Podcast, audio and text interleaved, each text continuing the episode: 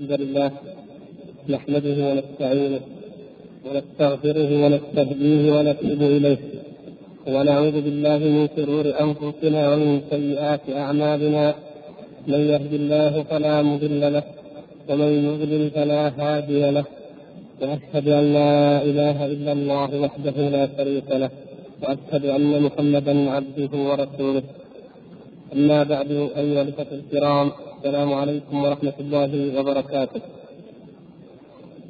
وبعد فما زلنا وإياكم ما زلنا نحن وأنتم نستعرض تلك الآية العظمى التي اختص الله تعالى بها أكرم خلقه عليه محمدا صلى الله عليه وسلم وهي آية الإسراء والمعراج.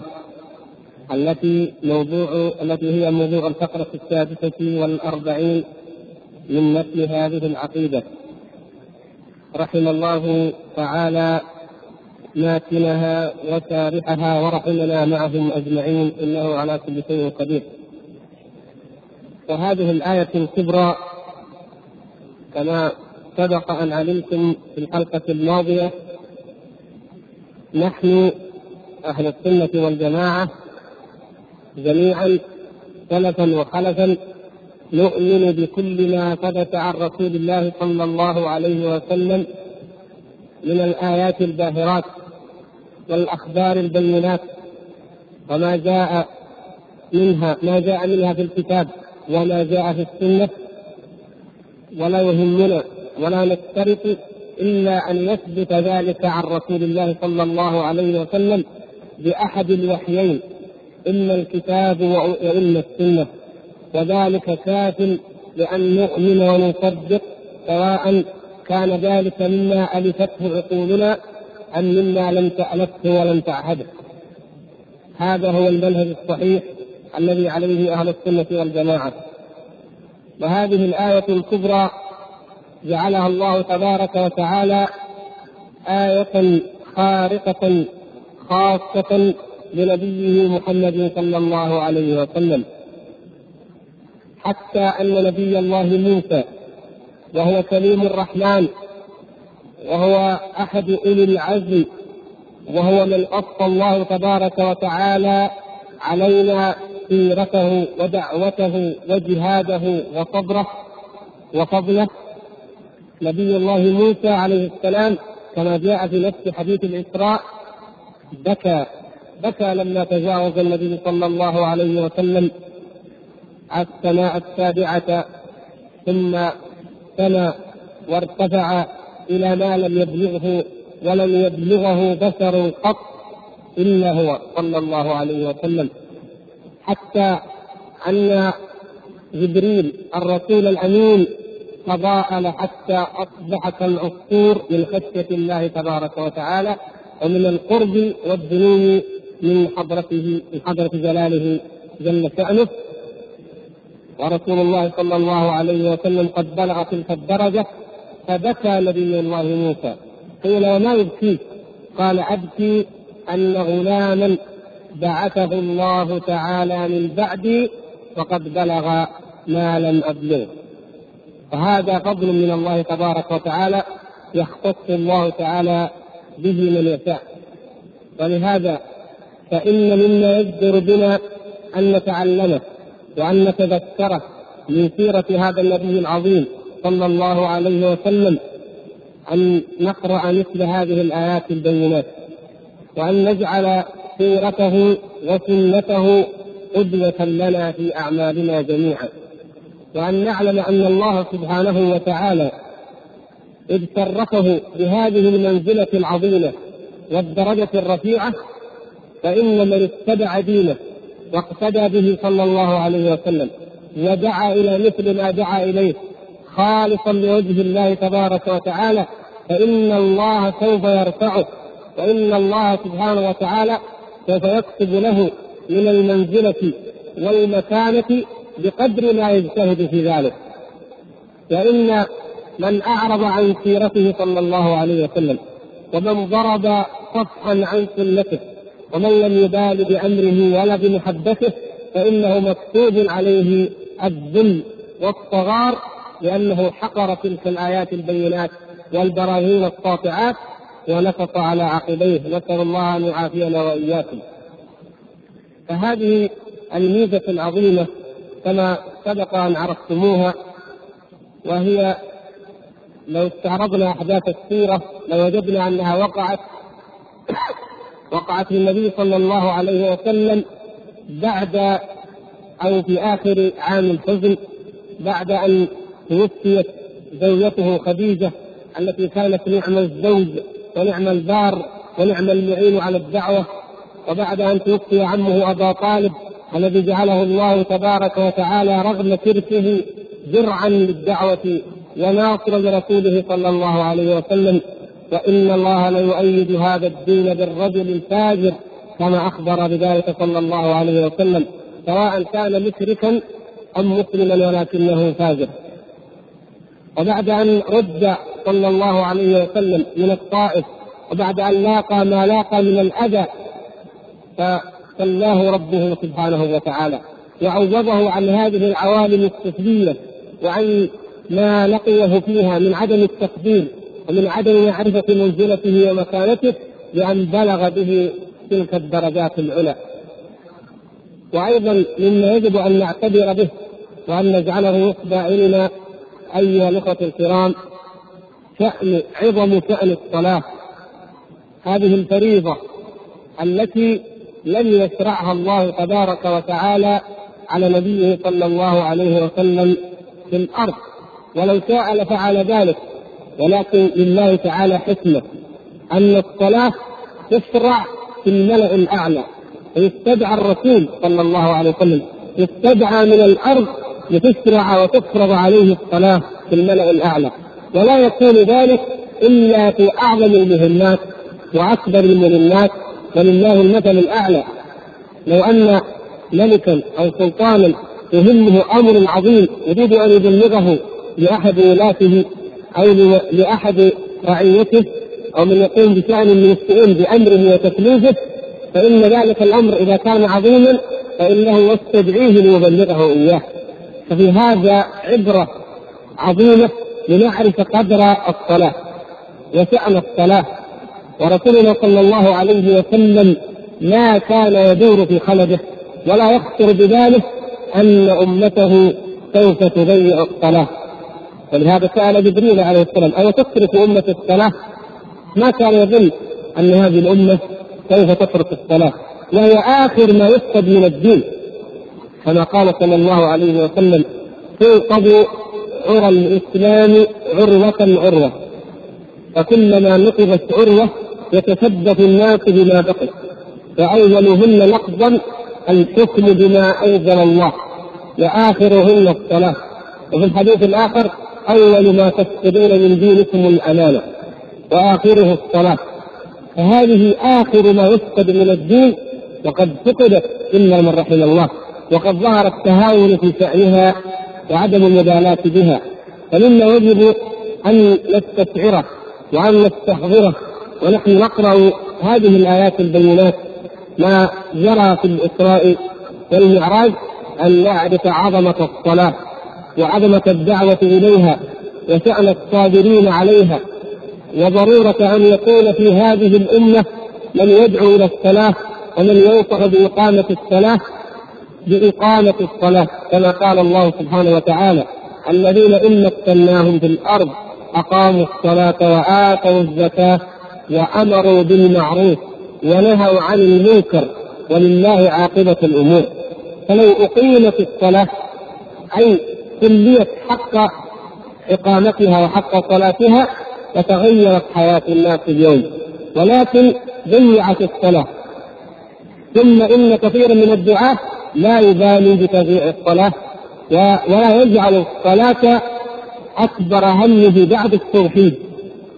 وهذا مخالف بهدي النبي صلى الله عليه وسلم في الدعوة. فإنه لما بعث معاذا إلى اليمن أخبره أنك ستأتي قوما من أهل الكتاب. فليكن أول ما تدعوهم إليه شهادة أن لا إله إلا الله. وفي رواية توحيد الله. وفي رواية عبادة الله عز وجل. وكلها صحيحة. لأن عبادة الله لا تكون إلا بتوحيد الله وكلمة لا إله إلا الله هي كلمة التوحيد. فالمعنى كله واحد. فإنهم أجابوك لذلك فأخبرهم أن الله افترض عليهم خمس صلوات في اليوم والليلة. هذه درجة ثانية بعد التوحيد ندعو إليها. فإنهم أجابوك لذلك فأخبرهم أن الله قد فرض عليهم زكاة تؤخذ من أغنيائهم فترد على فقرائهم. فدعوتنا أيها الإخوة الكرام عندما ندعو ندعو أول ما ندعو إلى التوحيد إلى توحيد الله إلى أن يعبد الله وحده فيدعى وحده. ويخاف وحده ويخشى وحده ويرجى وحده ويكون له الذبح والنذر وحده وتكون له الطاعة ولا تقديم ولا كلام لأحد بين يدي بين يدي كلام الله ولا كلام رسول الله صلى الله عليه وسلم. بل توحيد مطلق ثم بعد ذلك ندعو إلى الصلاة. بعده ومعه فإنها من شعائر التوحيد ومما يمثل التوحيد في القلوب. فهي أيضا من أعظم العبر التي يجب علينا أن نعتبر بها ونحن نتحدث عن هذه الآية الكبرى آية الإسراء والمعراج. وكما تعلمون أنه قد سبق الحديث عن تاريخ الإسراء والمعراج وبعضكم سأل عن ذلك وما يزال يسأل. أن موضوع متى كانت حادثة الإسراء والمعراج نعيد ونكرر أن الخلاف طويل جدا بحيث لا يستطيع الناظر في هذا الخلاف أن يجزم أو يرجح أحد الأقوال. اختلفوا في السنة واختلفوا في اليوم واختلفوا في الشهر إلى أكثر من عشرة أقوال. ومعنى ذلك أنه لا يحق لأحد أن يأتي فيعين ليلة بعينها ويقول هي ليلة الإسراء والمعراج إذ الأمر لا دليل صريح ولا قاطع فيه. ولو فرض أن الليلة معروفة معينة بيومها وشهرها وسنتها لما كان في ذلك مستندا لمن يزعم أن الاحتفال بها أمر مشروع يحبه الله تعالى ويرضاه. لأن الله سبحانه وتعالى قد أكمل لنا الدين ورسول الله صلى الله عليه وسلم ما ترك من أوامر ربه عز وجل شيئا إلا وبلغه وهو صلى الله عليه وسلم وأصحابه أعلم الناس بعظم هذه الآية الكبرى آية الإسراء والمعراج. فلو كان من تعظيمها أن يحتفل في ليلتها بأي نوع من أنواع الاحتفال لما تركه النبي صلى الله عليه وسلم ولا تركه أصحابه من بعده إلى أن تأتي القرون المتأخرة في القرن التاسع أو العاشر فتقول لا بد أن نحتفل بليلة الإسراء والمعراج ويعينون لها ليلة السابع والعشرين من رجب. وما لهم بذلك من علم إن هم إلا يخرسون وما لهم بذلك وليس لهم على ذلك من أجر بل يأثمون وكل بدعة ضلالة وكل ضلالة في النار. وأيضا آه تكلمنا عن الإسراء وهل كان بالجسد والروح معا أم كان بالروح وهل كان مناما أم يقظة بما يكفي إن شاء الله تبارك وتعالى. وكان آخر ما تحدثنا عنه هو أن رواية شريف هذه منتقدة انتقدها العلماء وهي التي وردت فيها ألفاظ غريبة. أي شاذة بل قد لو قيل إنها منكرة لما كان في ذلك من حرج لأنه منتقد مختلف في توثيقه. من العلماء من وثقه ومنهم من ضعفه. فإن كان ثقة فمخالفة الثقة للثقات شذوذ. إن كان ثقة فمخالفة الثقة للثقات الذين هم أوثق منه وأكثر عددا هذا شذوذ. وإن كان ضعيفا فمخالفة الضعيف لرواية الثقات هذا نكارة. فهذه الرواية التي سوف أيضا نستعرضها الذين قالوا إن الإسراء والمعراج تعدد. كان من آخر ما قرأنا رد الإمام ابن القيم رحمه الله على من يقول إن الإسراء والمعراج كان مرارا لانهم وجدوا أن رواية شريك بن عبد الله هذه تخالف وتعارض الروايات الصحيحة الأخرى فقالوا لابد للتوفيق بين الروايات أن نقول تعدد الإسراء وتعدد المعراج وهذا ما هو مردود ورد عليه ابن القيم رحمه الله في زاد المعاد في الجزء الثالث صفحة 34 من الطبعة المحققة التي هي خمس مجلدات. والشارح الجزء الثالث ثالث 34 نعم. الشارح هنا رحمه الله في أكثر كلامه أو هو موجز وملخص من زاد المعاد وبمناسبة الكلام عن رواية الشريك هذا الحقيقة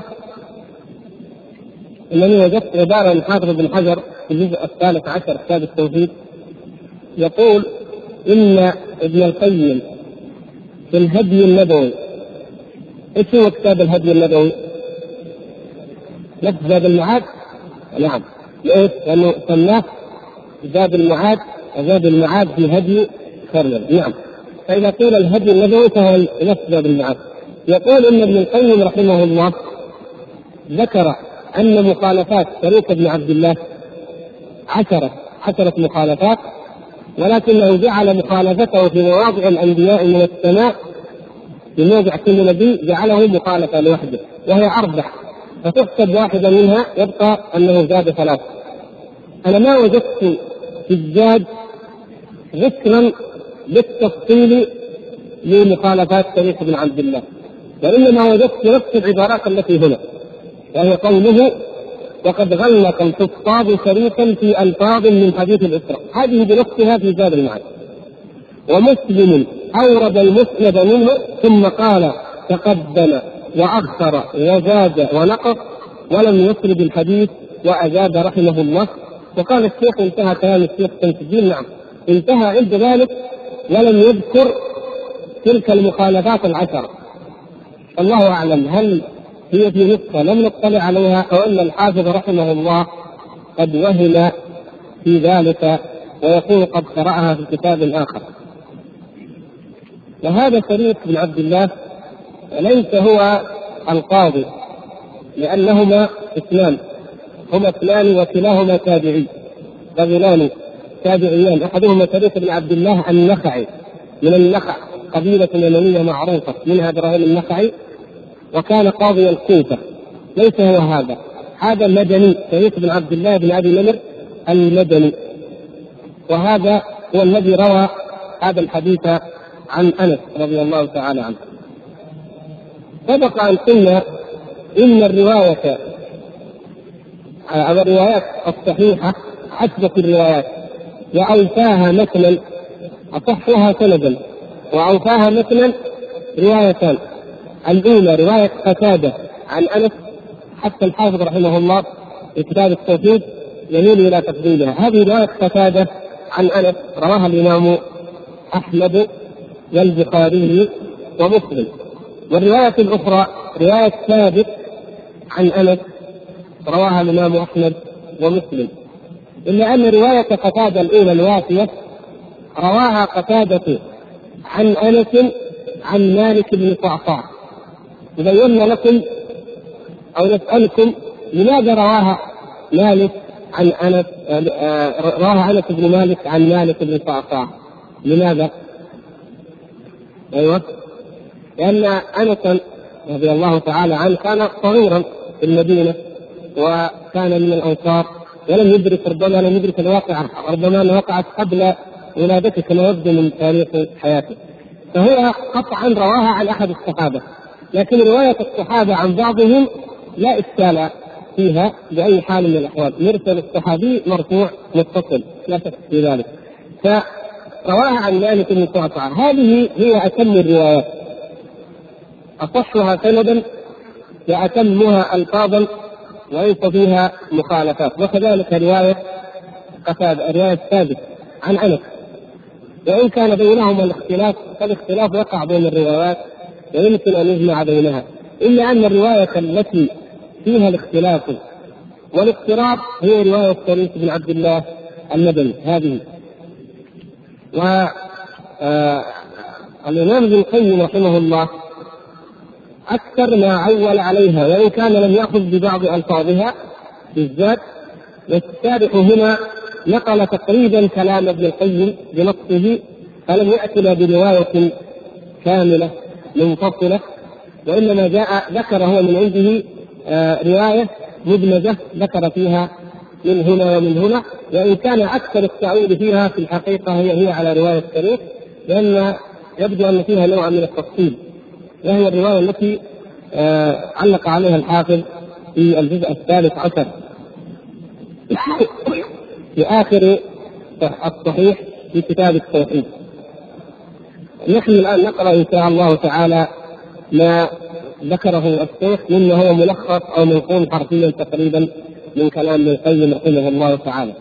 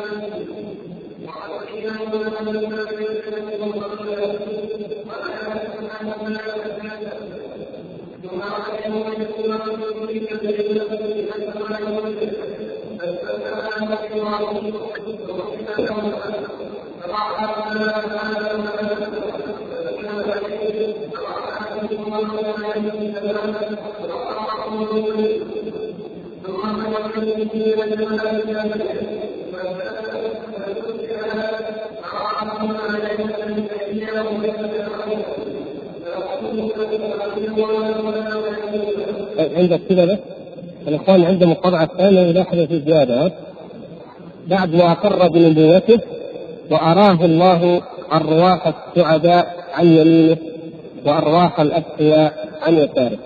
ثم عرض به إلى السماء الثانية. هذه الزيادة أيضا ليست في رواية الشريف وإنما هي من رواية قتادة وثابت.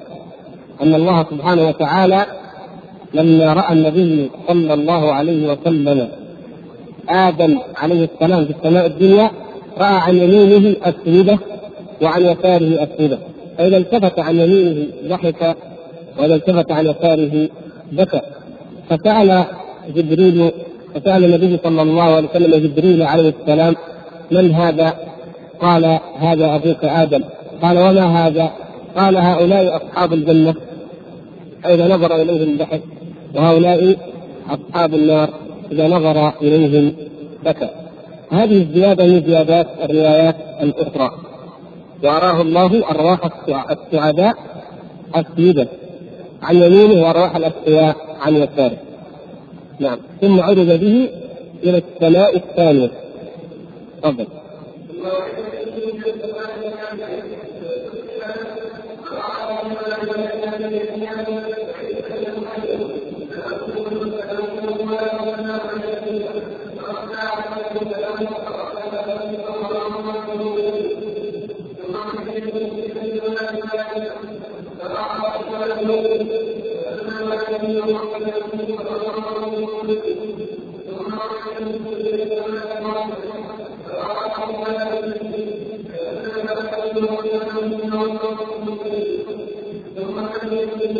وبعث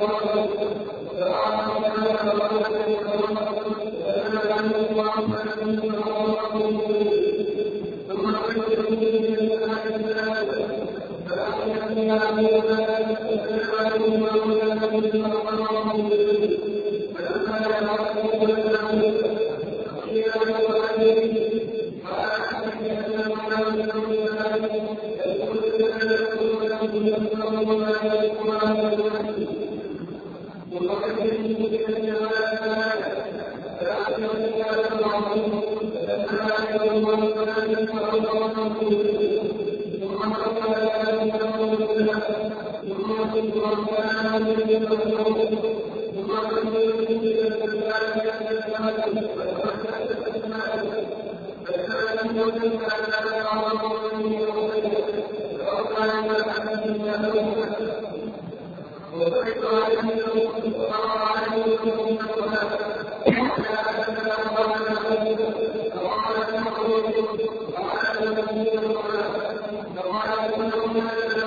Gracias.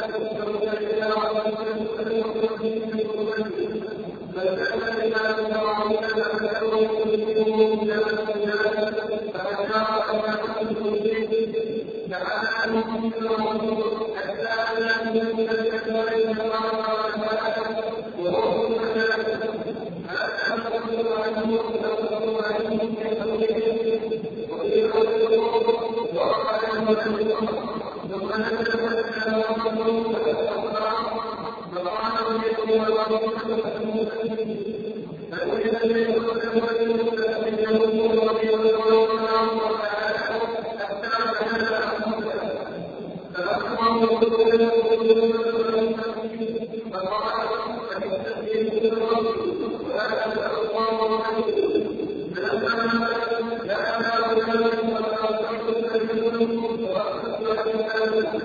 أيضا إضافة بعد وهو مكانه هذا لفظ البخاري في بعض الطرق.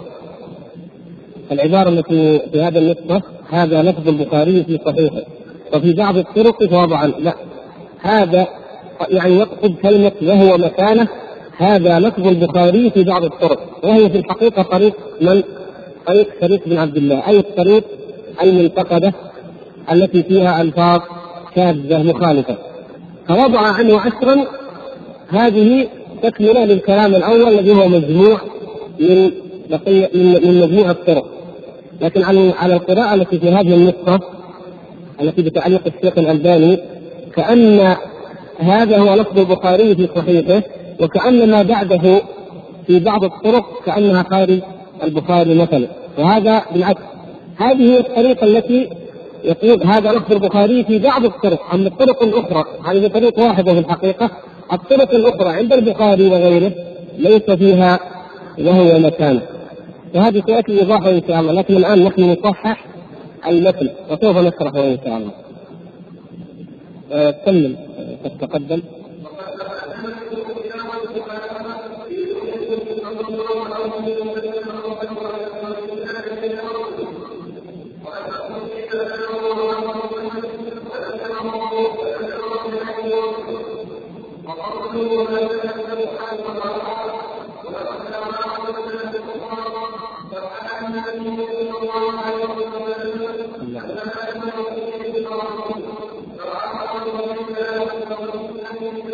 كمل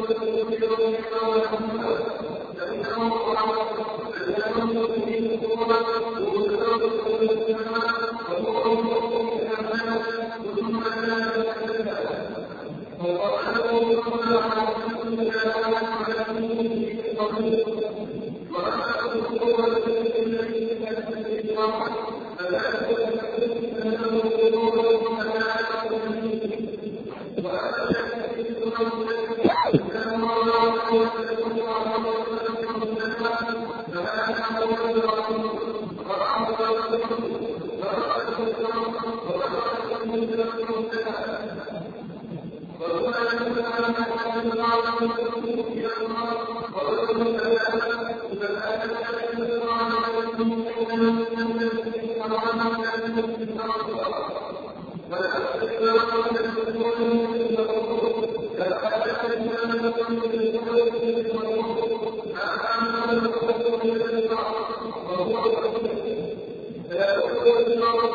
تتقدم.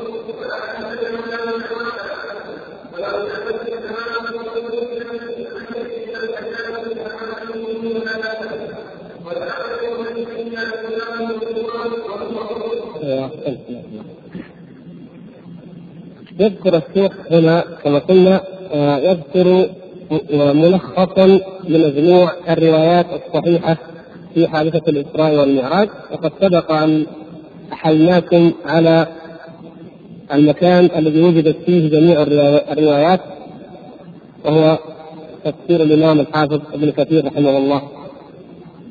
ابن كثير. وأيضا ابن جرير لكن ابن كثير جاء بجميع الروايات ومنها ما في المسند ومنها ما في الصحيحين ومنها ما في آه، تفسير ابن جرير. فهو جمع جميع الروايات ومنها رواية قتادة ورواية ثابت كلاهما عن أنس وكذلك من غيرهم غيرهم من الصحابة كأبي هريرة وابن عباس وغيرهم. على اختلاف في وعلى تفاوت في طول تلك الروايات أو قصرها. الشيخ هنا ذكر ملخصا لذلك منقول هذا منقول كما ذكرنا من كتاب زاد المعاد. فهو اولا أنه أرسل صلى الله عليه وسلم بجسده في اليقظة على الصحيح وهذا قد سبق أن عرفنا الأدلة عليه من المسجد الحرام إلى المسجد الأقصى هذا نص الآية سبحان الذي أسرى بعبده ليلا من المسجد الحرام إلى المسجد الأقصى. راكبا على البراق البراق ورد بيان صفتها في نفس الأحاديث وهي أنها دابة دون البغل وفوق الحمار. هذه آية من آيات الله عز وجل جعلها الله تبارك وتعالى دليلا ومركبا لنبيه محمد صلى الله عليه وسلم. وقد ورد في بعض الروايات هذه ما يشعر بأنه قد ركبها غيره لأنه لما اراد النبي صلى الله عليه وسلم أن يركبها اضطربت فقال جبريل اثبت أو اثبتي كما فوالله ما ركبت بشر قط أكرم على الله منه. يعني النبي صلى الله عليه وسلم. فقد يفهم من هذا أن غيره من الأنبياء ركبها. وقد يفهم وقد يقال إن غيره لم يركبها وإنما المراد أن بيان كرم رسول الله صلى الله عليه وسلم. فلا يشترط لقوله لم يركبها لم يركب بشر اكرم على الله منه أن غيره قد ركبها وإنما هي خاصة به صلى الله عليه وسلم. والله تعالى أعلم بذلك. وإنما حصلت له هذه الآية العظيمة ركب هو وجبريل عليه السلام أو هنا يقول صحبة جبرائيل أو وصحبه جبرائيل. كلها صحيح إلا نقول ركب صحبة جبريل أو ركب وصحبه جبريل. كلا المعنى صحيح. فنزل هناك أي في بيت المقدس وصلى بالأنبياء إماما.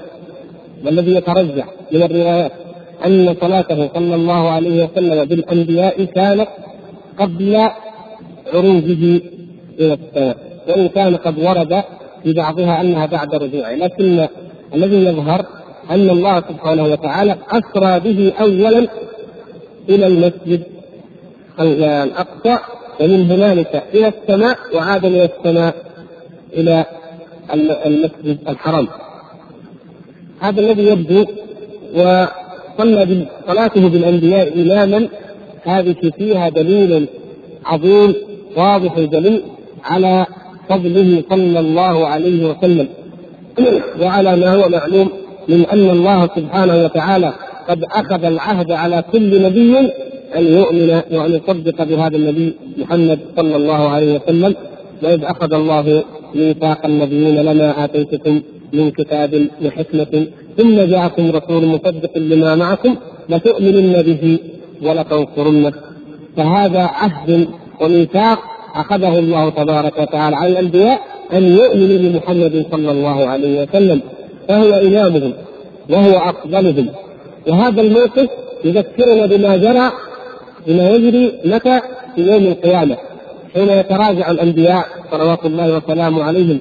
كلهم يتخلون وكل يقول نفسي نفسي فيتقدم صلى الله عليه وسلم بالشفاعة العظمى ويقول أنا لها أنا لها.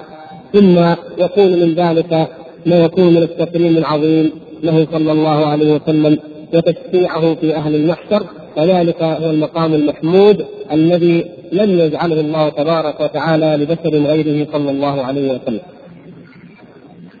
وربط البراق بحلقة باب المسجد ذكر الحافظ ابن كثير رواية قرأتموها ولا بد هذه مما يذكر ويستأنف بذكره في بهذه المناسبة أن لما تعلمون حديث أبي سفيان تذكرون حديث أبي سفيان مع هرقل لما أن كتب النبي صلى الله عليه وسلم مع دحية الكلبي إلى ملك الروم إلى هرقل بكتاب يدعوه فيه إلى الإسلام في أول صحيح البخاري فقال ائتوني بأي رجل من غير هذا الرجل أو من أتباعه.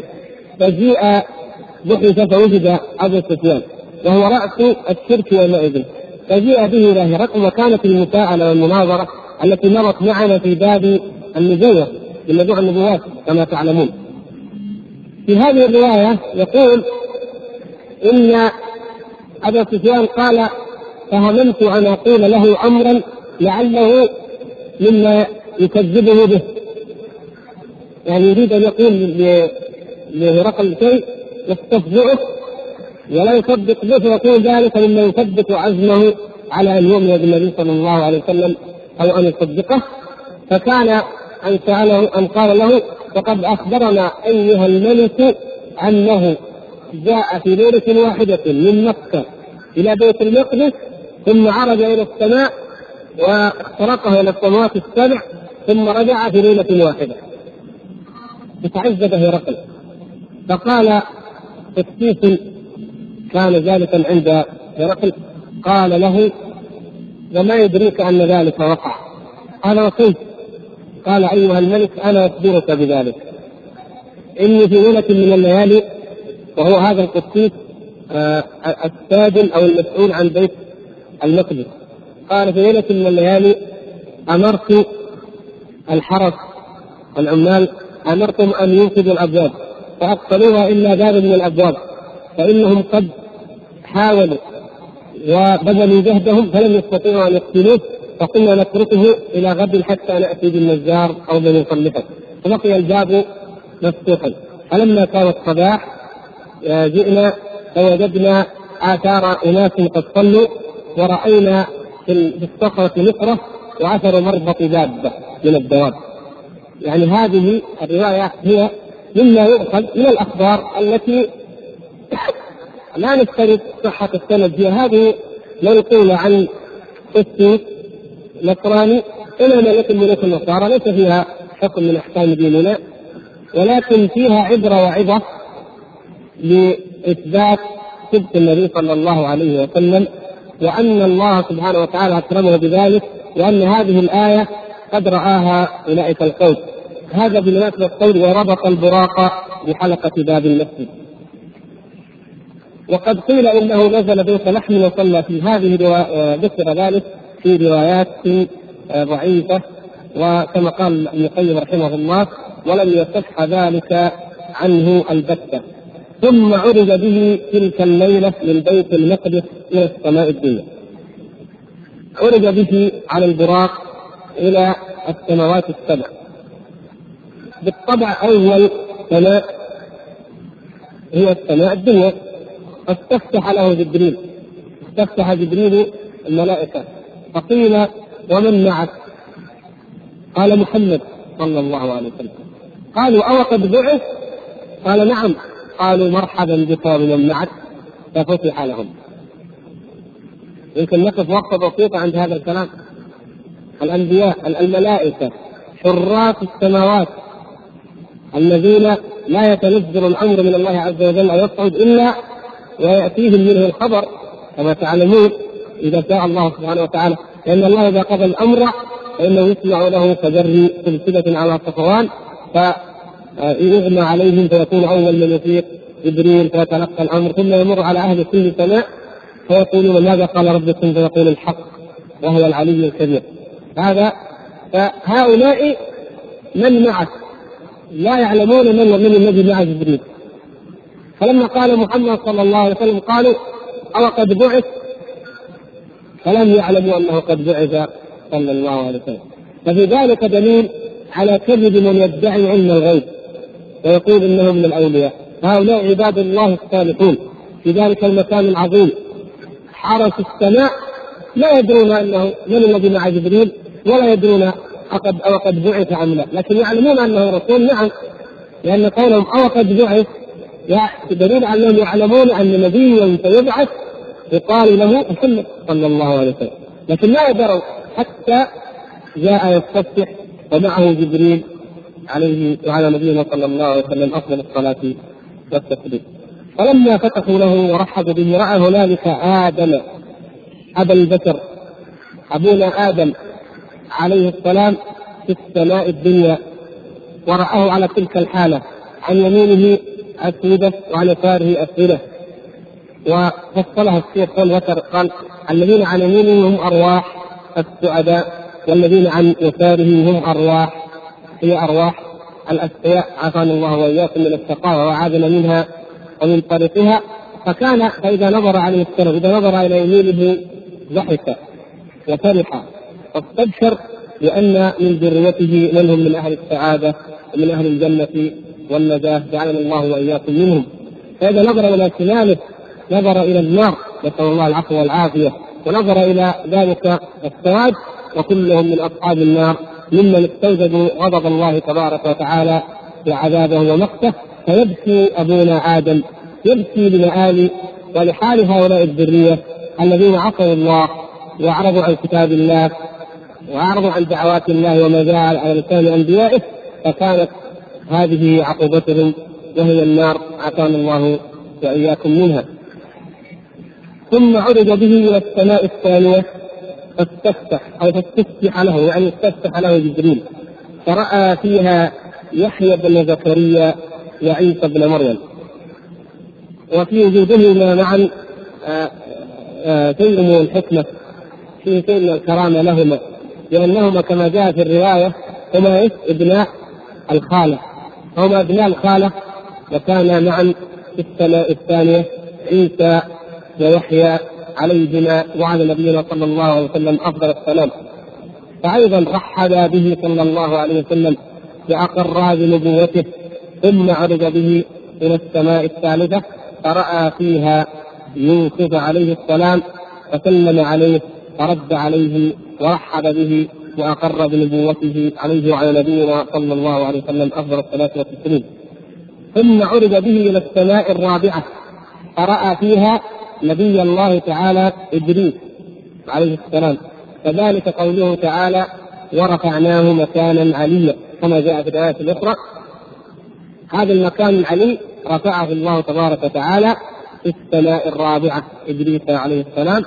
فسلم عليه رسولنا صلى الله عليه وسلم فرد السلام ورحب به واقر بنبوته ثم عرج به إلى السماء الخامسة فرأى فيها هارون بن عمران أخا موسى عليهم وعلى نبينا صلى الله عليه وسلم أفضل الصلاة والتسليم فسلم عليه ورحب به وأقر بنبوته ثم عرج به إلى السماء السادسة فلقي فيها موسى بن عمران.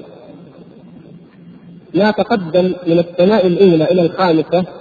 هذا هذه هي الرواية الراجحة التي لا ينبغي أن تعارض بما جاء في رواية شريك ولا غيره لأن شريك اضطرب وفي رواية أيضا للزهري أنه قال لم يضبط لم يحفظ ولم يدري في الأنبياء في أي سماء هذه أرجح وأصح الروايات. أن آدم في الأولى في الثانية آه، عيسى ويحيى في الثالثة يوسف في الرابعة إدريس في الخامسة هارون بعد ذلك تأتي تختلف الروايات الصحيحة الثابتة التي يصعب علينا أن نرجح إحداهما على الأخرى. في ماذا؟ في أيهما كان في السادسة والآخر في السابعة؟ أكان موسى عليه السلام في السادسة وإبراهيم في السابعة؟ أم العكس كان إبراهيم في السادسة وموسى في السابعة ومما يرجح هذا مما يرجح مثلا كون إبراهيم عليه السلام في السابعة أنه آه هنالك عند البيت المعمور. في السماء السابعة عند البيت المعمور لأنه كما هو الذي بنى هذا البيت الذي هو الكعبة في الدنيا. وأيضا فضل إبراهيم عليه السلام وكونه خليل الرحمن يستدعي ذلك أو يرجح ذلك كونه خليل الرحمن وكونه أشبه الناس برسولنا صلى الله عليه وسلم. أو كون رسولنا صلى الله عليه وسلم أشبه الناس به فايضا هذا مما قد يرجح علو إبراهيم عليه السلام. وأما كون موسى عليه السلام والاعلى فيرجحه ما يأتي في آخر الحديث أنه صلى الله عليه وسلم لما فرضت عليه الصلوات خمسين صلاة يرجع فيقابله موسى عليه السلام فيقول له ارجع. فكأن موسى عليه السلام أقرب والحال هذه فكأنه هو الذي في السماء السابعة ولذلك يراد به في ذلك حتى فرضت خمس خمس صلوات. والله تبارك وتعالى أعلم. وهذا الذي اختار ابن القيم رحمه الله وتبعه الشارح هنا أن الذي في السادسة موسى بن عمران عليه السلام. وقد يقال إن موسى عليه السلام في السادسة وإبراهيم في السابعة ولكن الذي يراد بالنبي صلى الله عليه وسلم ويرده إلى ربه هو موسى لما بين موسى في كلامه بأنه قال قد خبرت خبرت بني إسرائيل من قبلك وعالجت من امرهم ما عالجت قد خبرت بني إسرائيل قبلك وعالجت من امرهم ما عالجت. يعني نبي له تجربة مع الأمم وله تجربة مع عصيانها ومع عدم تحملها لاوامر الله سبحانه وتعالى. فلا لا يمنع ذلك أن ينزل من عند إبراهيم عليه السلام ولا يعترض على شيء لأنه لم يعالج أمة من الأمم كما عالج موسى. ثم إذا وصل إلى موسى عليه السلام يقول له فيرجع من السادسه إلى ربه عز وجل. أقول بذلك لا يمكنه ولكن الله أعلم. بداية الوجه الثاني بكلامه وكتب له التوراة بيده. بكى فقال فقيل له ما يبكيك؟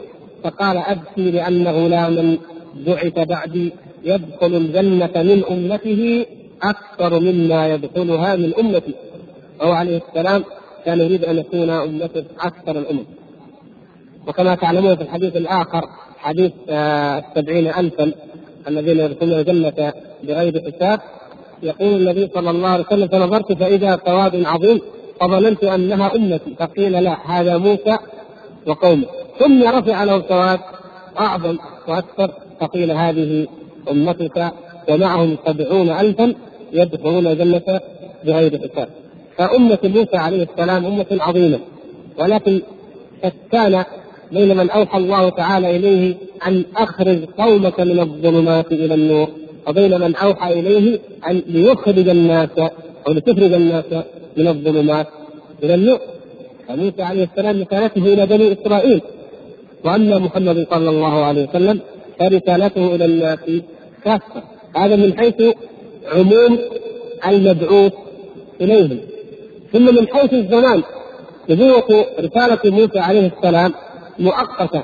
وأما رسالة محمد صلى الله عليه وسلم فإنها للزمان كله إلى أن تقوم الساعة. فمن الطبيعي إذا أن تكون أمة محمد صلى الله عليه وسلم أكثر عددا من أمة موسى عليه وعلى نبينا أفضل الصلاة والتسليم. ثم عرج به إلى السماء السابعة فلقي فيها إبراهيم فسلم عليه فرد عليه ورحب به وأقر بنبوته. وهو كما ذكر النبي صلى الله عليه وسلم أشبه الناس به صلى الله عليه وسلم. قال فانظروا وأما إبراهيم فانظروا إلى صاحبكم. يعني من أراد أن يعرف ينظر كيف خلقة أبينا إبراهيم عليه السلام قال فانظروا إلى صاحبكم أي يأمر أصحابه أن ينظروا إليه صلى الله عليه وسلم فهو على شبهه ثم رفع إلى سدرة المنتهى. سدرة عظيمة. أخبرنا الله سبحانه وتعالى عنها وأخبرنا رسوله صلى الله عليه وسلم عنها ولا ندري ولا نعلم عنها إلا ما أخبرنا به رسوله صلى الله عليه وسلم. لا ندري عنها ولكنها آية من الآيات العظمى التي جعلها الله سبحانه وتعالى في ذلك الملأ الأعلى. ثم رفع له البيت المعمور ثم عرج به إلى الجبار. هنالك في ذلك المقام وصل إلى ما لم يصله أحد من البشر قط حتى أن آه، الرسول الأمين جبرائيل عليه السلام تضاءل حتى اصبح كالعصفور من خشية الله سبحانه وتعالى. فدنا منه حتى كان قاب قوسين أو أدنى فأوحى إلى عبده ما اوحى هنا نقف عند هذه الرواية عند هذه الجملة التي هي من الرواية من ضمن الرواية الشاذة أو المنكرة وهي رواية شريك بن عبد الله. ليس في بقية الروايات هذا النص الذي فهم منه السيف كما فيما بعد قال وأما الدنو والتجلي الذي في حديث الإسراء فذلك صريح في أنه دنو الرب تعالى وتدليه. ليس الأمر كذلك. فنتجاوز عن هذه الجملة نضع عليها استفهام ونتجاوز عنها ونعتبرها من ضمن الروايات ضمن روايه المخالفة التي اما شاذه أو منكرة نكمل ما بعد ذلك وفرض عليه خمسين صلاه فرض الله تبارك وتعالى على نبيه محمد صلى الله عليه وسلم الصلوات الصلاة. هذه الشعيرة العظمى. فرضها عليه خمسين صلاة في اليوم والليلة. فرضي صلى الله عليه وسلم وقبل وسلم ولكنه نزل ورجع حتى مر على موسى عليه السلام. قال بما أمرك ربك؟ قال بخمسين. قال إني قد جربت بني إسرائيل قبلك وعالجت من أمرهم ما عالجت. ارجع إلى ربك فاسأله التخفيف. فرجع إلى ربه فسأله التخفيف فوضع عنه خمسا وعاد إليه. ثم أعاد عليه الكلام موسى عليه السلام. فما زال يتردد بين موسى وبين ربه عز وجل حتى جعلها خمسا. فعاد إلى موسى عليه السلام فقال له ارجع إلى ربك. فإنني قد جربت بني إسرائيل قبلك وعالجت من أمرهم ما عالجت. فقال صلى الله عليه وسلم قد استحييت من ربي ولكن أرضى. وأسلم. اللهم صل وسلم عليه. فجعلها هذا أيضا من إكرام الله لنبيه محمد صلى الله عليه وسلم. جعله هو صلى الله عليه وسلم من نفسه يرضى ويقبل ويسلم ولم يفرض عليه أن يقول لا يا حبيبي أو لا يا رسولي قف لا أنزل لك عن ذلك. بل هو رضي صلى الله عليه وسلم. فلما رضي وقال قد استحييت من ربي ولكن أرضى وأسلم نادى مناد من قبل الله عز وجل قال قد أمضيت فريضتي وخففت عن عبادي. فقد كان ما ما اختاره أو ما رضي به النبي صلى الله عليه وسلم كان هو ذلك الذي قضاه الله عز وجل ولا مبدل لكلماته ولا معقب لحكمه. فهي خمس وفي الأجر خمسين. وهذا فضل من الله تبارك وتعالى على هذه الأمة وتكريمة لها ولنبيها صلى الله عليه وسلم. وفيه أيضا بيان عظمة الصلاة وأهميتها. ينتقل بعد ذلك الشيخ رحمه الله إلى قضية الرؤية.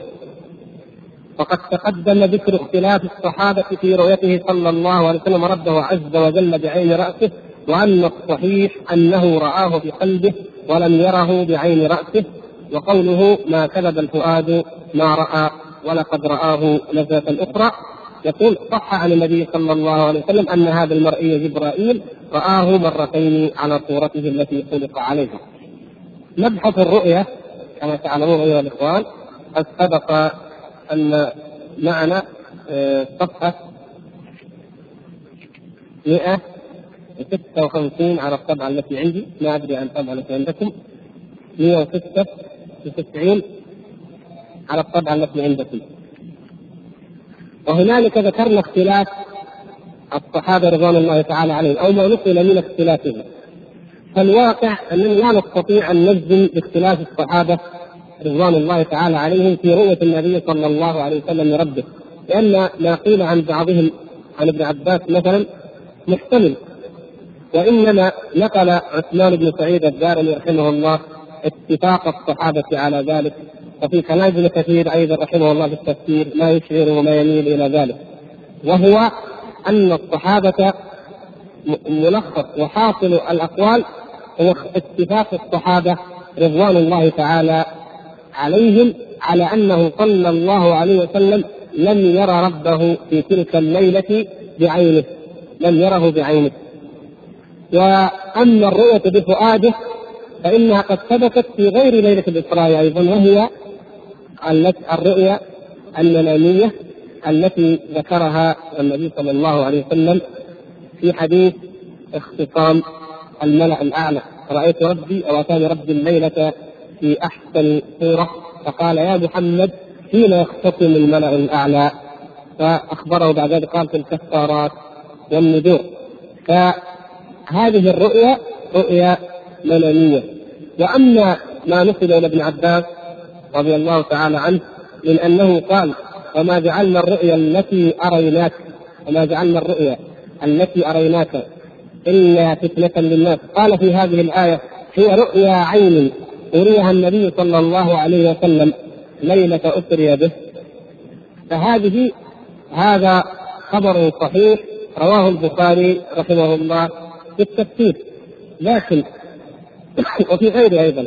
لكن هذه لو تتذكرون مرت معنا في الحلقة الماضية دليل على ماذا؟ هذه الكلمة قول ابن عباس رؤيا عين يريها النبي صلى الله عليه وسلم. دليل على ماذا؟ أيضا. دليل على أن الإسراء كان بجسده صلى الله عليه وسلم لأن كلمة الرؤيا زي ما قلنا تطلق على أي شيء؟ على المنام وعلى الرؤيا الحقيقية البصرية وأكثر إطلاقها على ماذا؟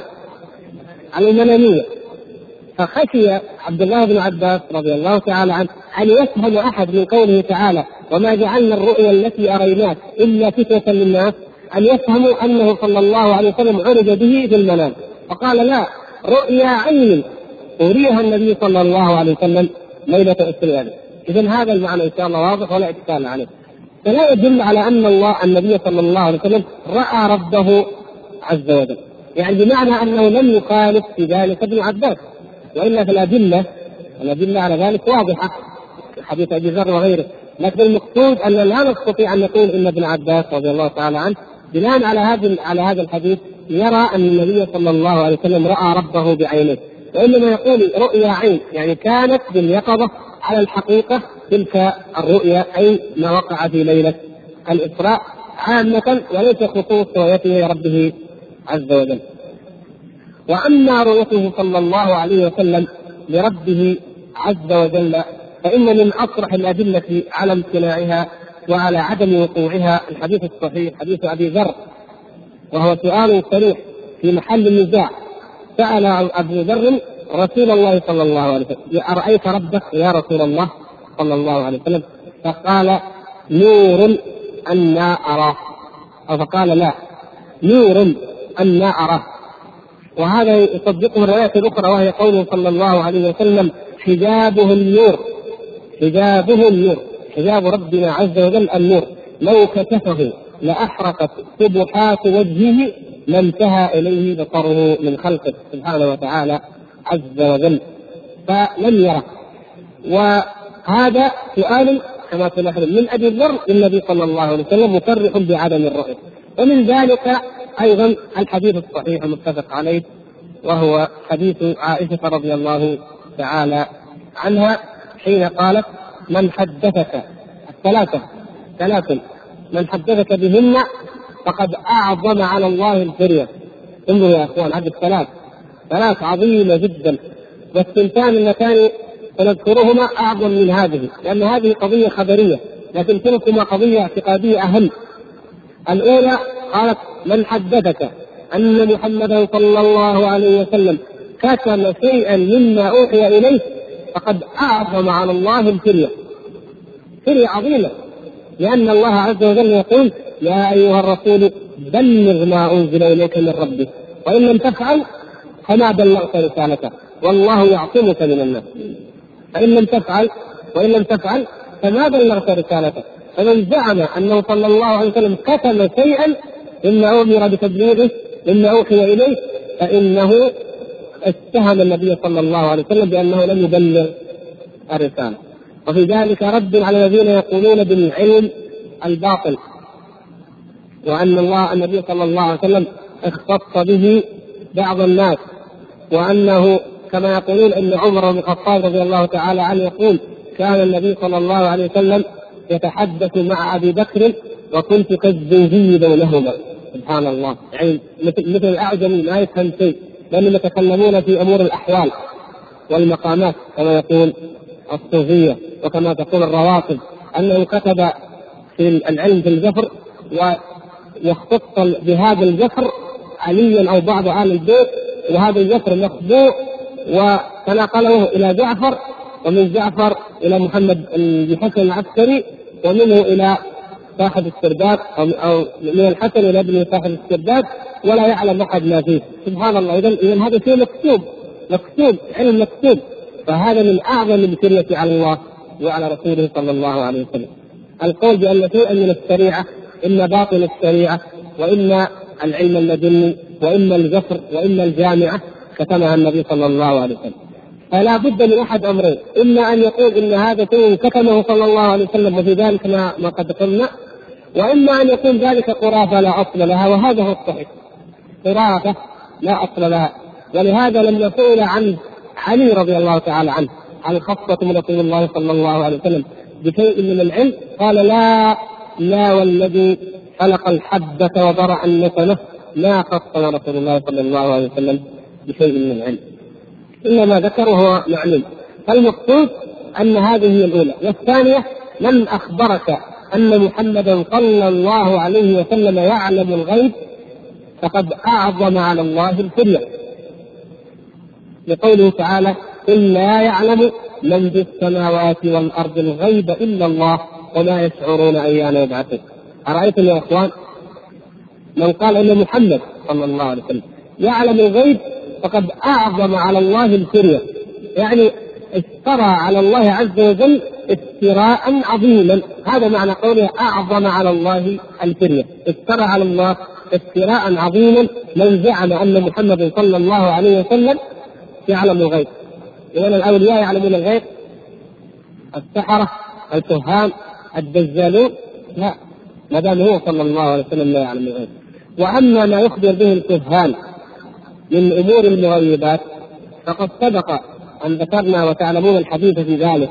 وهو أن من ذلك ما يجعله الله تعالى فتنة.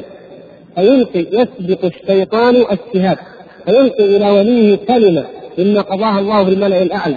وتسامع بها الملائكة فتسبق آه، كلمة الشيطان إلى الولي من الإنس ثم يدركه الشهاب بعد أن وقعت الكلمة. فيضع معها مئة كذبة. فإذا قيل قد كذب قيل ألم تروه قد أخبركم بكذا؟ فتلك الكذبة تلك القصة الحادثة الواحدة التي وقعت صدقا تكون فتنة فيشتغل بها الناس ويفكرون فيها وينسون المئة كذبة. يخبرهم بمئة كذبة كلها كذبة. ولا يبالون ويتذكرون تلك التي وقعت كما أخبر وما هي من علم الغيب وإنما هي من استراق الشيطان الذي أراد الله عز وجل أن يبلغها لوليه. قبل أن يدركه الشهاب ليفتن الناس وليتبين المؤمن الموحد ممن يعظم على الله الكريه كما قالت ام المؤمنين رضي الله تعالى عنها. فاذا النبي صلى الله عليه وسلم لم يرى ربه عز وجل. واما آيات النجم فلو تدبرناها لعلمنا أنها واضحة الدلالة إن شاء الله. يقول الله عز وجل والنجم أعوذ بالله من الشيطان الرجيم. بسم الله الرحمن الرحيم. والنجم إذا هوى ما ضل صاحبكم وما غوى وما ينطق عن الهوى إن هو إلا وحي يوحى. علمه شديد القوى. القضية قضية إيش؟ قضية القرآن. يعني نختصر تفسيرها في حدود ما يهمنا الآن. القضية قضية القرآن. هذا الوحي. يقولون إنما يعلمه بشر. يقولون أساطير الأولين اكتسبها. يقولون كاهن ساحر شاعر كل ذلك قد قاله الكفار. فالله عز وجل يقسم بالنجم إذا هوى ما ضل صاحبكم وما غوى صلى الله عليه وسلم. وما ينطق عن الهوى. إن هو إلا وحي يوحى. علمه من؟ بشر. علمه شديد القوى. من الذي يعلمه؟ صلى الله عليه وسلم. تبين ذلك الآيات الأخرى. إنه لقول رسول كريم. اذا الرسول الكريم هو رسول شديد القوى ذو مرة فاستوى وهو بالأفق الأعلى ثم دنا فتدلى فكان قاب قوسين أو أدنى فأوحى إلى عبده ما أوحى. ما كذب الفؤاد؟ ما رأى. النبي صلى الله عليه وسلم لما أتاه جبريل بالوحي أول الأمر خاف النبي صلى الله عليه وسلم. وحصلت له الفترة من الوحي كما دلت الحديث الصحيحة كما في كتاب بدل الوحي في البخاري. خاف صلى الله عليه وسلم. ولا يدري ما هذا. قد يكون شيطانا قد يكون ملكا قد يكون كما تعلمون أول مرة.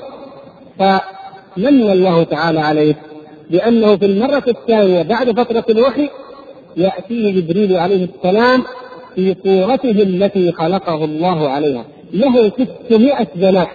كل جناح منها قد سد الأفق ويتقاقر ويتفلت منه مثل الدر والياقوت عليه السلام. فرآه صلى الله عليه وسلم على حقيقته. فاطمأن تماما. هذا ثابت في صحيح البخاري في كتاب التفسير عند هذه الآية. وفي الكتب الأخرى آه، اطمأن النبي صلى الله عليه وسلم بعد ذلك إلى أن هذا لا يمكن أن يكون شيطانا ولا جنيا وإنما هو ملك رسول. كيف هذه الخلقة العظيمة وبهذا الوحي الذي أنزله الله تعالى عليه وبهذه الصفة المهولة التي لا يستطيع بشر عادي أن يثبت أمام رؤيتها. فهذا هو. فتأكد له صلى الله عليه وسلم أن هذا نبي من عند الله رسول من عند الله حقا وأنه نبي لله حقا بهذه الهيئة التي نزل عليها التي جاء بها جبرائيل عليه السلام. هذه هي المرة الأولى. ما كذب الفؤاد ما رأى. هناك لطيفة. نحن قلنا الشيخ هنا قال ما كذب الفؤاد ما رأى. ذكرها الماتن في المتن الفقرة الثالثة والأربعين. ما ما كذب الفؤاد ما رأى. وقلنا لكم في الحلقة الماضية أن هذه محلها أن يكون إيه ما زاغ البصر وما طغى. ما كذب الفؤاد ما رأى هذه في الرؤية الدنيوية. لاحظوا هذه الدقيقة اللطيفة. النبي صلى الله عليه وسلم في أجياد في شعب أجياد كما في الرواية هذه الرواية الصحيحة. ورأى جبرائيل جبريل عليه السلام في صورته التي خلقه الله تعالى عليها. ما كذب الفؤاد ما رأى استيقن فؤاده واطمأن. القضية ما قضية علم يحط الكلام هنا. أنسب ليش؟ ليقين الفؤاد وليس إلى نظر العين لأنه هو هو في الأرض في زياد. وناداه فنظر وإذا بهذا المخلوق العظيم. فالعين رأت. ولذلك حتى لو قال قريش لما قال رأيته ما في مشكلة يعني أنت في الأرض. رأيت هذا المخلوق. هذا أقرب إلى أن الإنسان يصدق شيء رأته العين. لكن ما كذب الفؤاد ما رأى. تواطأ القلب والعين. وحصل بذلك اليقين على أن هذا وحي من عند الله سبحانه وتعالى. هذه هي النزلة الأولى. ما كذب الفؤاد ما رأى. لقد رأى من آيات ربه الكبرى. أفتمارونه على ما يرى؟ أي بعدين ولقد رآه. نفس الشيء رآه رأى من؟ نفس القصة جبريل. الأردمير يعود إلى نفس المرئي الأول. ولقد رآه نزلة أخرى عند سدرة المنتهى عندها جنة المأوى إذ يغشى السدرة ما يغشى. ما زاغ البصر؟ وما طغى. هناك إذا الإسراء والمعراج يناسبها ما زاغ البصر وما طغى. فهنالك ولقد رآه نزلة أخرى. النبي صلى الله عليه وسلم رأى جبريل عليه السلام على خلقته التي خلقه الله عليها مرتين الأولى هذه التي في أجيال بعد فترة الوحي والثانية التي عند سدرة المنتهى. وهذا من فضل الله سبحانه وتعالى عليه. فيها حكم يضيق الوقت عن شرحها نذكر منها. كونه يكون على خلقته التي خلقها الله تعالى عليه ومع ذلك يتقاصر دون درجة محمد صلى الله عليه وسلم. هذا أعظم من لو كان على لو أنه كان على خلقة رجل ثم يكون أقل. لكن على نفس الخلقة التي هي أعظم خلقة ومع ذلك فرسول الله صلى الله عليه وسلم يبلغ إلى درجة أعلى منه عليه السلام. فهذا تكريم للنبي صلى الله عليه وسلم. وبعدين رأى النبي صلى الله عليه وسلم عند هذه السدرة رأى هذه الآيات العظيمة العجيبة ما زاغ البصر وما طغى كونه في الملأ الأعلى هذا مدعاه لماذا؟ مدعاه لأن المناظر هذه المهينة المهيبة العجيبة أن يزوغ البصر أن يزل أو أن يطغى أو أن يتجاوز الحد أو أن يقتصر المسألة مكان عجيب مهيب فقال ما زاغ البصر وما طغى. لقد رأى من آيات ربه الكبرى. قرأ النبي صلى الله عليه وسلم تلك الآيات رؤية حقيقية بصرية. فلو لاحظنا هذا التفسير الموجز السريع العاجل للآيات نجد أنها جميعا في من؟ في جبريل عليه السلام وليست في الله وليست في الجبار سبحانه وتعالى. والروايات الصحيحة كرواية قتادة وأنس أيضا تدل على ذلك. اذا قول شيخ هذا لا يعتد به. الشيخ رحمه الله هذا يجب أن تحطوا عليه علامة إن شاء الله. من الأخطاء التي في شرح العقيدة الطحاوية هذا الخطأ وهو أن قوله وأما قوله تعالى في سورة النجم ثم دنا فتدلى فهو غير الدنو والتدلي المذكورين في قصة الإسراء. الواقع أنه واحد. فإن الذي في سورة النجم هو دنو جبرائيل وتدليه كما قالت عائشة وابن مسعود رضي الله عنهما فإنه قال علمه شديد القوى ذو مرة فاستوى وهو بالأفق الأعلى ثم دنا فتدلى فالضمائر كلها راجعة إلى هذا المعلم الشديد القوى. صحيح هذه الضمائر نعم إلى المعلم. قال وأما الدنو والتدلي الذي في حديث الإسراء فذلك صريح في أنه دنو الرب تعالى وتدليه طيب. وأما الذي في سورة النجم أنه رآه نزلة أخرى عند سدرة المنتهى فهذا هو جبرائيل رآه مرتين مرة في الأرض ومرة عند سدرة المنتهى. الواقع أن هذه العبارة وأما الدنو والتدلي الذي في حديث الإسراء فذلك صريح في أنه دنو الرب تعالى وتدلي. هذه العبارة لو قطعناها لو أزحناها بالمرة وقرأنا الكلام فالضمائر كلها راجعة إلى هذا المعلم الشديد القوى وبعدين نقول وفي آخرها أو بقية سورة النجم أنه رآه نزلة أخرى عند سدرة المنتهى. وهو جبرائيل أيضا نعدلها رآه مرتين مرة في الأرض ومرة عند سدرة المنتهى. تكون عبارات صحيحة والكلام مستقيم ولا غبار عليه. إذا كيف أقحمت هذه العبارة؟ نتيجة لرواية الشريك وهي الرواية المنتقدة التي لم يوافقه عليها آه، بقية الرواة. أدنى منه حتى كان قاب قوسين وأدنى. إلا أن الحافظ بن حجر ذكر عن ابن عباس رواية قال إنها حسنة في إثبات ذلك. ولكن غاية ما في الأمر إذا صح سندها أن نقول إنها شاذة إذا صح السند قلنا إنها شاذة وإذا كان ضعيفا قلنا إنها منكرة كما هو الاصطلاح المشهور في علم المصطلح.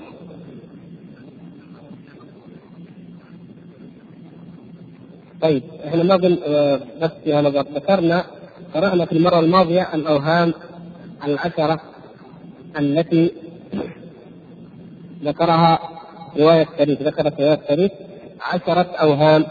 ذكرها الشيخ هنا نقلا عن الحافظ بن حجر رحمه الله وكما قلنا أن الحافظ ذكر أن ابن القيم ذكر أن فيها عشرة أوهام. اذا لا يعول على رواية الشريك هذه والنبي صلى الله عليه وسلم الخلاصة يا إخوان أنه صلى الله عليه وسلم في ليلة الإسراء والمعراج لم يرى ربه عز وجل بعينه هذه اولا وأن آه الرب إن الله سبحانه وتعالى لم يثبت أنه ليس هو الذي بنى فتدلى حتى كان قاب قوسين أو أدنى وإنما هي هذه رواية خطأ شاذة أو منكرة. ويبقى على ما في الروايات الصحيحة أنه قرب من ربه عز وجل ودنا منه إلى درجة لم يبلغها أحد ولم يبلغها أحد فأوحى إليه سبحانه وتعالى أو ففرض عليه الصلوات الخمسين التي أصبحت فيما بعد خمسا. وما يتعلق بكون الإسراء بالجسد في اليقظة هذا قد سبق أن شرحناه والله تعالى أعلم وصلى الله وسلم على نبينا محمد وعلى آله وصحبه وسلم.